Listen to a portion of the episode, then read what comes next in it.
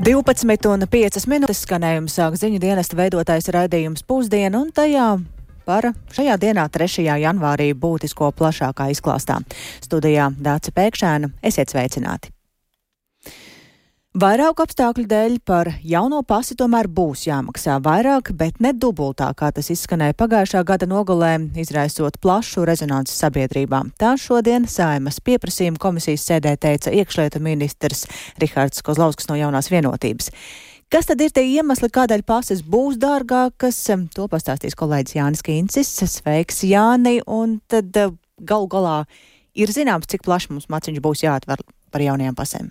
Sveicināti. Nē, pašlaik tas tiešām vēl nav zināms. Mē, paredzams, ka mēs to konkrētāk uzzināsim nākamnedēļ, bet uh, arī to šodien skaidroja ministrs, iekšlietu ministrs Rihards Kozlovskis, kurš uh, ieradās uz saimas pieprasījuma komisijas sēdi, jo to prasīja saimas opozīcijā esošās apvienotās sarakstu frakcijas deputāti. Tātad, kā jau minēts, decembrī izskanēja, ka Latvijā no šā gada 12. februāra plāno sākt izsniegt jaunu parauga pases, un nodeva par pasu izsniegšanu varētu pieaugt no 30 līdz 60 eiro, bet bērniem un personām ar atvieglojumiem tie būtu 30 eiro tagadējo 15 eiro vietā. Un, Apvienotā saraksta deputāti pieprasījumā ministram norādīja, ka tas būtu nesamērīgi un prasīja skaidrot, kā vispār radās šāds aprēķins par tik būtisku nodevas palielinājumu. Lūk, pavisam nedaudz apvienotā saraksta saimnes frakcijas vadītāja Edgara Tavara teiktais.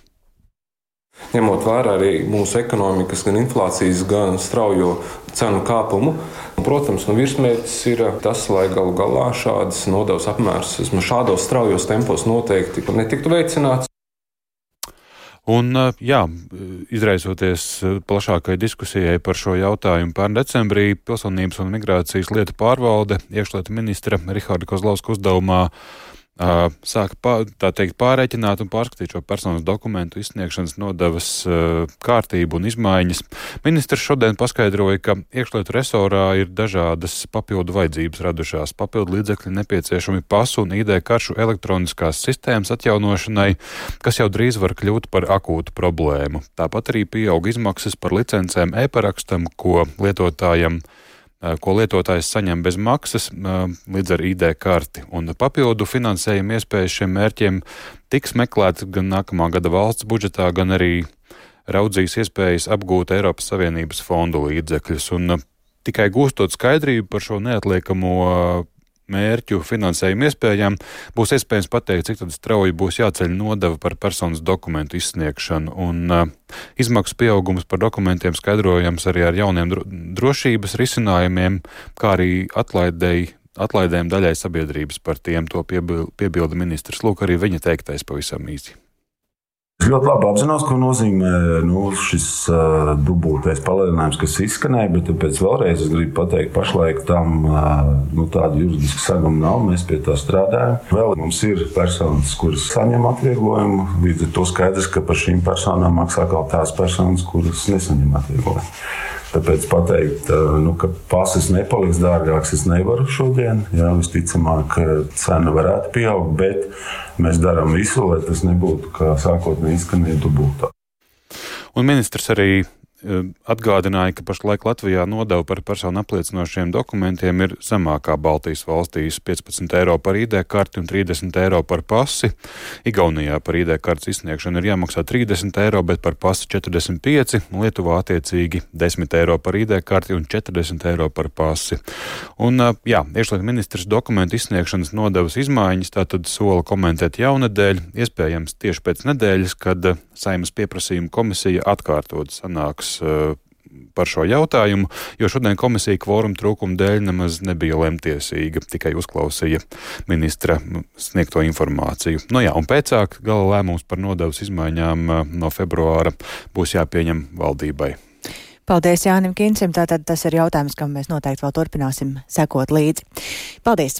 Bet šobrīd Pārkāpums pārbaudē par to, kā Rīgas satiksmes departaments organizēja remontdarbus galvaspilsētā korupcijas novēršanas un apkarošanas birojas nav atklājis. Līdz ar to krimināla procesa nebūs. Tiesa, dažādi trūkumi departamentā gan ir atklāti, ko pašvaldība plāno novērst. Un tā šodien pavēstīja pilsētas vadība, un jau no pirms sākumiem šai lietai sekojas līdzi ir kolēģis Viktors Demīdovs. Sveiks, Viktor! Nu, vasarā stāstījām par dienesta pārbaudu remontdarbu organizēšanā. Toreiz bija runa par pārkāpumiem, iespējams arī nelikumīgi iztērētiem vairākiem miljoniem eiro. Vēlāk disciplināra lieta to nepierādīja. Tagad knab lēmums, ka krimināla procesa tomēr nebūs. Kāpēc tā?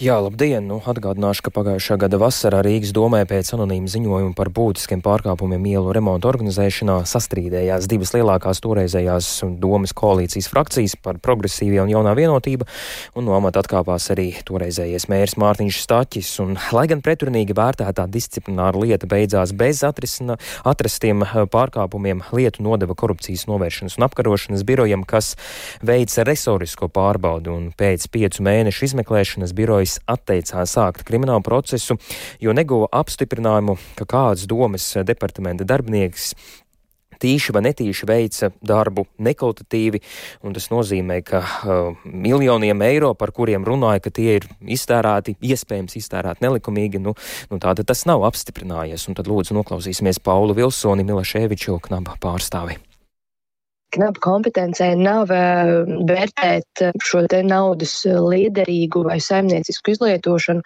Knaba kompetencē ir vērtēt, vai iespējams ir veiktas kādas ar korupciju saistītas noziedzīgas darbības. Un šajā gadījumā knaba nekonstatēja kādas darbības, kas būtu atbilstošas krimināla likuma normām un attiecīgi būtu nepieciešams uzsākt kriminālu procesu.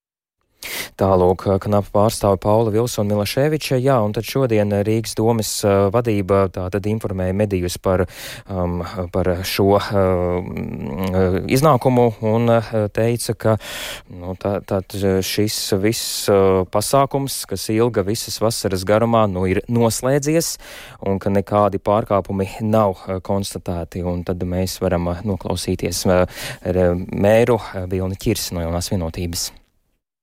Šī politiskā brēka, kur ilgi vienas vasaras garumā ir beigusies, un tagad redzam, ka visi šie skaļie apgalvojumi, viss ar ko e, mētājās kolēģi, ir absolūti un pilnīgi nepamatoti.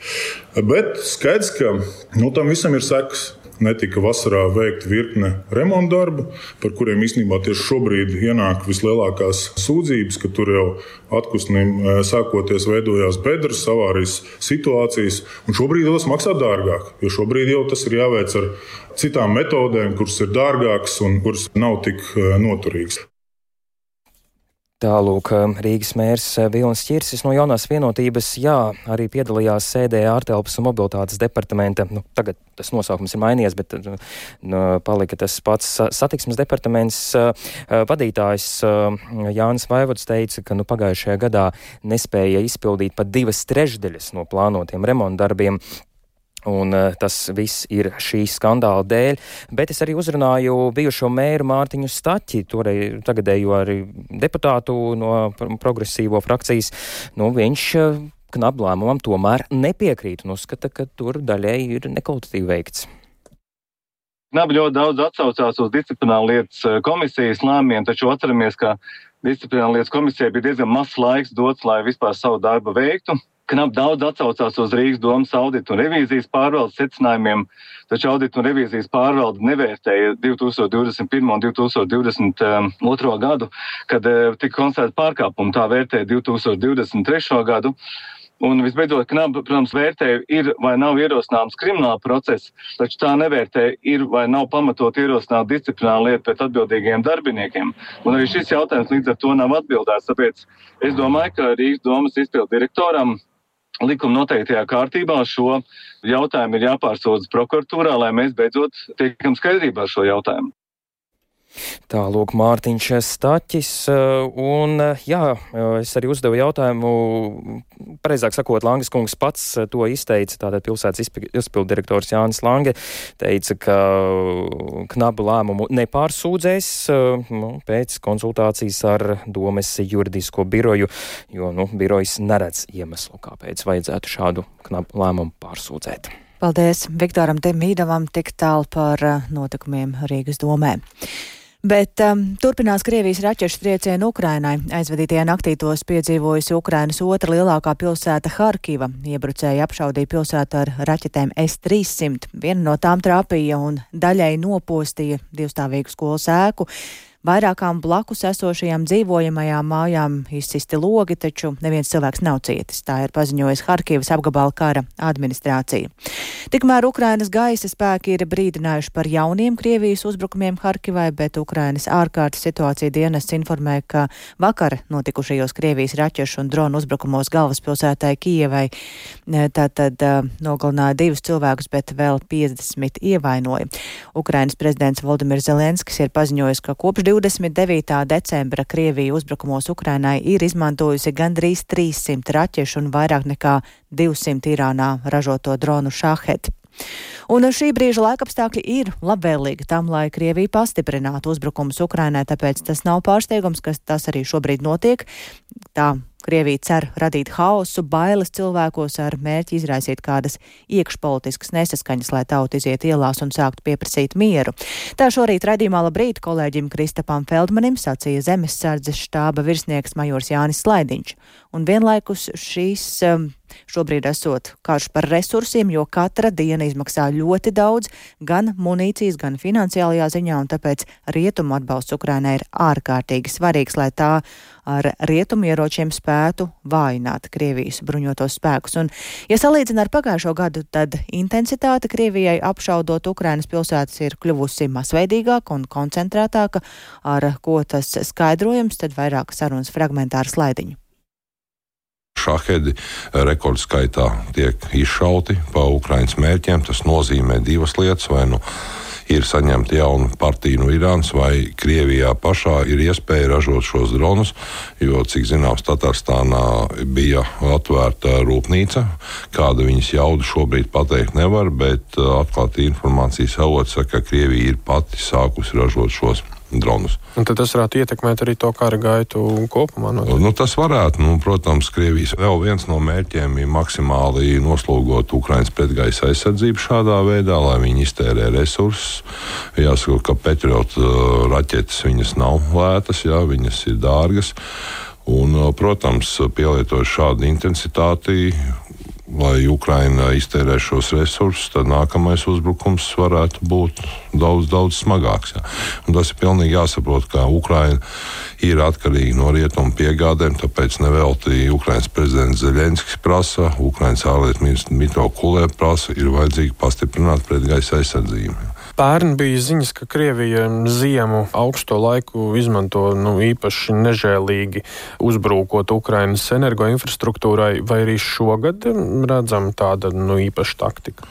Jā, ir ziņas par šo energoinfrastruktūru, bet, ja salīdzinām ar pagājušo gadu, Ukrāņi vairs nesniedz informāciju, kur ir trāpīts.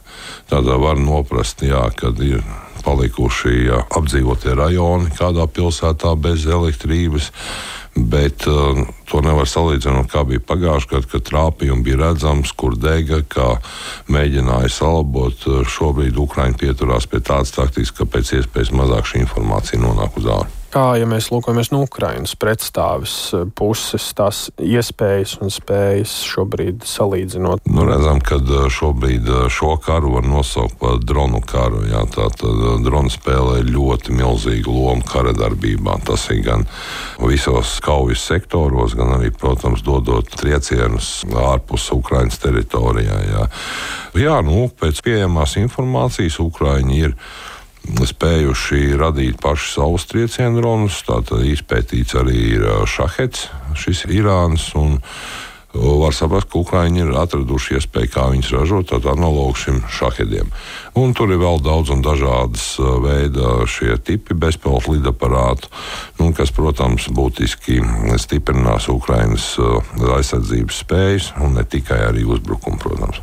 Drīz jau apritēs divi gadi kopš šī Krievijas pilnmēroga iebrukuma Ukrainā. Nu, kaut kad kaut kam būtu jāatrisinās. Šķiet, kā jūs redzat, vai maz pārskatāmā nākotnē tas ir iespējams? Nu, es teiksim, skatos līdz pusgadam, jā, tā, tā, tā ir vasara, jūnijas, jūnijas, jūlijas.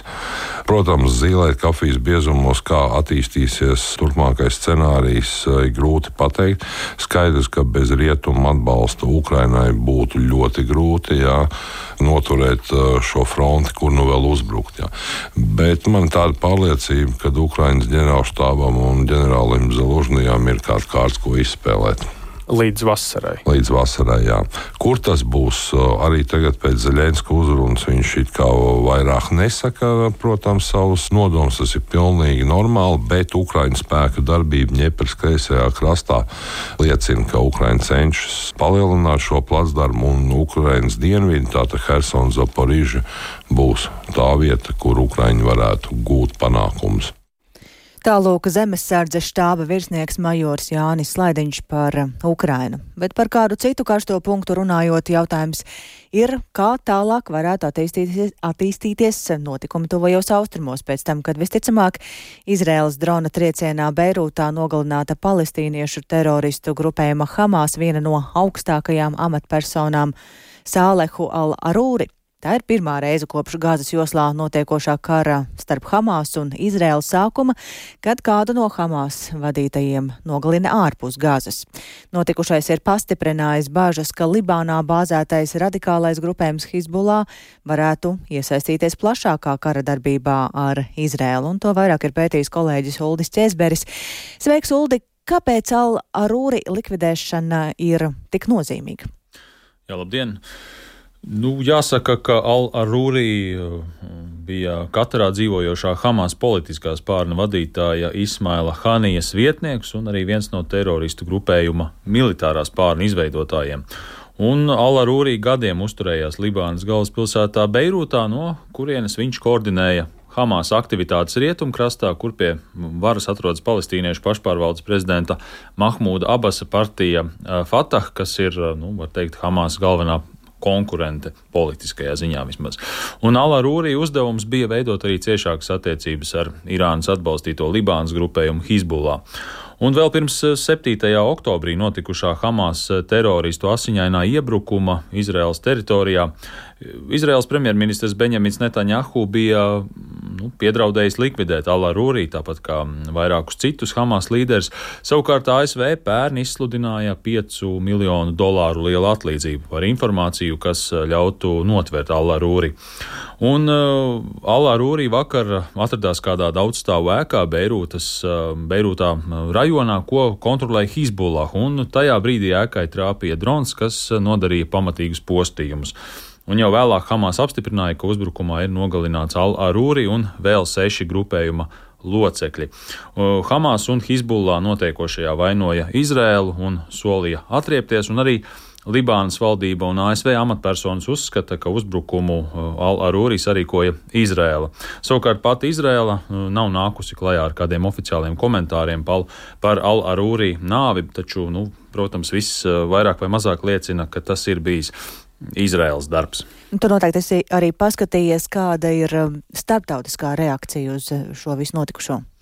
Jā, nu, piemēram, Francijas prezidents Emmanuels Makrons jau vakar vakarā telefoniski sazinājās ar Izraēlas kara valdības locekli Beniju Gansu un aicināja Izraēlu izvairīties no konflikta eskalācijas, jo īpaši Libānā, kā zināms, tad Francijai ir vēsturiski tuvas attiecības ar Libānu, un arī ANO ģenerālsekretāra pārstāvē Širina Jasīna uzbrukumu nosauca par ārkārtīgi satraucošu, un arī varam paklausīties plašāk viņas teikto.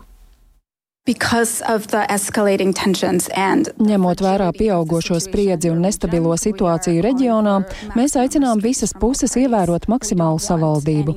Mēs nevēlamies nekādas sasteigtas darbības, kas varētu izraisīt turpmāku vardarbību. Jā, un jau kopš Izraels un Hamas kara sākuma, nu, gandrīz ik dienu uz Libānas un Izraels robežas ir notikušas um, Hizbullah un Izraels armijas apšaudes, bet līdz šim nu, Hizbullah nav demonstrējis vēlmi eskalēt konfliktu. Taču grupējuma līderis Hasans Nasralla iepriekš uh, piedraudēja atbildēt uz Izraels uzbrukumiem Hamas amatpersonām Libānā. Nu, ja Hizbollah nolems atriepties Izrēlai par Al-Arūri nonāvēšanu, tad var izcelties plašāka mērā, mēroga karadarbības Izraels un Libānas robežas, kas, protams, vēl vairāk destabilizētu situāciju tojos austrumos. Izraels drošības politikas eksperts Nimrods Noviks uzskata, ka Al-Arūri likvidēšana ir nozīmīgs izlūk, Izraels izlūkdienestu panākums, bet viņš tomēr nedomā, ka Hizbollah notikušā dēļ būtu gatava uzsākt kāru ar Izraelu, un varam paklausīties viņa teikto. Tas ir brīdinājums visiem Hamas locekļiem, kuri ir atbildīgi par 7. oktobra zvērībām un citiem, ka Izraels garā roka viņus sasniegs. Hizbullah faktiski ir Irānas roka, tāpēc es nedomāju, ka Irāna vēlas izmantot savas milzīgās investīcijas Hizbullah izveidē, apbruņošanā, apmācīšanā un finansēšanā, lai atrieptos Izrēlai par augsta ranga Hamas locekļu noslapkavošanu. Jā, nu jāpiebilst, ka Irāna nosodīja Al-Arūri nonāvēšanu un paziņoja, ka tā apliecinot Izraels nespēju sasniegt savus mērķus karā pret Hamas. Paldies, Ulu, tev par šo skaidrojumu. Un nu gan mēs atgriežamies Latvijā, kur šīs dienas ir atnesušas lielu augstumu, un vēl tagad atsevišķos reģionos ir spēkā brīdinājums par stipru salu, kas nozīmē, ka draudus veselībai tas var radīt īpaši jau vecākiem cilvēkiem, zīdaiņiem, arī bezpajumtniekiem. Un tieši tāpēc Rīgas nakts patvērsmes šajā laikā ir atvērts visu diennakti, nodrošinot gan siltu zupu, gan arī apģērbu, bet Mediķis savukārt atgādina, ka šādā laikā ir jāuzmanās, lai negūtu apsaldējumus, un vairāk par to, kā pasargāt sevi un arī vienlaikus nebūt vienaldzīgiem pret līdzcilvēkiem. Par to ir interesējusies Agnija Lazdiņa. Sveika, Agnija! Mediķi brīdina būt uzmanīgiem, bet um, vai jau šobrīd ir kādas ziņas par to, ka augstums būtu nodarījis kādu postu un um, slimnīcās, piemēram, nonākuši cilvēki apsaldējumu dēļ? Labdien, jā, cilvēki ar apsaldējumiem esot bijuši jau pagājušā gada nogalē, pirms jaunā gada, tā norāda Rīgas Austrumu Kliniskās Universitātes slimnīcas valsts apdeguma centra vadītājs Sergejs Smirnovs. Un šobrīd valsts apdeguma centrā ir divi cilvēki no nelabvēlīgās vides, kas iestājušies vakar, taču, kā norāda centra vadītājs, abas personas, diemžēl, ir ieradušās par vēlu un apsaldētos kāju pirkstus nāksies amputēt. Un, kā stāsta Smirnovs, visbiežāk cilvēkiem apsaldēt apsalst plaukstas un pēdas, taču šādā laikā esot iespējams apsaldēt arī seju. Un sākotnēji konkrētās ķermeņa daļas nejūtot, kā rezultātā cilvēki maldīgi mēdzot domāt, ka viss ir pārgājis un ir kārtībā, taču realitātē problēma jau ir aizgājusi tālāk un apsaldējuma dēļ ir jau skarti nervu gali. Un pirmajā dienā apsaldētās vietas esot baltas un nejūtīgas, nākamajās pāris dienās tās kļūst jau pietūkušas, apsārtušas un sarkanīgas nokrāsas, taču jau tālāk ar katru dienu ar vien tālāk šī krāsa kļūstot violeta un uz apsaldētajām vietām parādās pūšļi. Un par to, kā sevi pasargāt, stāsta valsts apdeguma centra vadītājs Sergejs Smirnovs, uzsverot, ka visbiežāk iedzīvotāji iegūst apsaldējumus alkohola reibumā, tostarp arī ļoti šādā laikā jāuzmanās tiem cilvēkiem, kuriem ir dažādi jušanas traucējumi. Un no nu, Latvijā, tā kā mums ir mitra vide, mums ļoti ātri pievelk šie augstumi. Tomēr mēs klausāmies kaut kur kontinentālā klimatā, tur mīnus 45, bet viņi pat dažreiz mazāk sals nekā mēs šeit, ar saviem mīnus 20 grādiem. Tā kā pirmais galvenais novērtēt, vai tev jāiet ārā, ja tev tomēr jāiet tad apģērbties, kārtīgi silti saģērbties, tam jā un jānovērtē savu veselības stāvokli. Bet, nu, kad jau kaut kas ir noticis, tomēr varbūt vērsties pie ārsta. Kā saka, droši paliek nedroši. Tomēr paskatīt paskatīties, vai nav problēma arī dziļāk aizgājis, jo reāli trīs diennakts mēs vēl varam glābt. Jānorāda, ka augstā laika dēļ ir arī Rīgas nakts patvērsmes atvērtas visu diennakti vaļā, un par to paklausīsimies Rīgas pašvaldības pārstāvē Andres Gabras teikto. Nu, šobrīd tas patvērsmju piepildījums atļauj uzņemt vēl cilvēkus. Nav tā, ka visas patvērsmes ir, ir pārpildītas. Un šajā laikā tiek um, nodrošināti arī zupas virtuves izbraukumi, un cilvēkiem tiek izsniegtas siltas drēbes. Tā ka tie, kas nonāk patvērsmēs, viņi tiek gan padaroti, gan arī viņi saņem uh, nu, ziemai vajadzīgu apģērbu. Uh, vietu skaits patversmēs kopumā ir 690 un vidēji šajā mēnesī janvārī ir aptuveni virs 600 cilvēkiem palikuši patversmēs.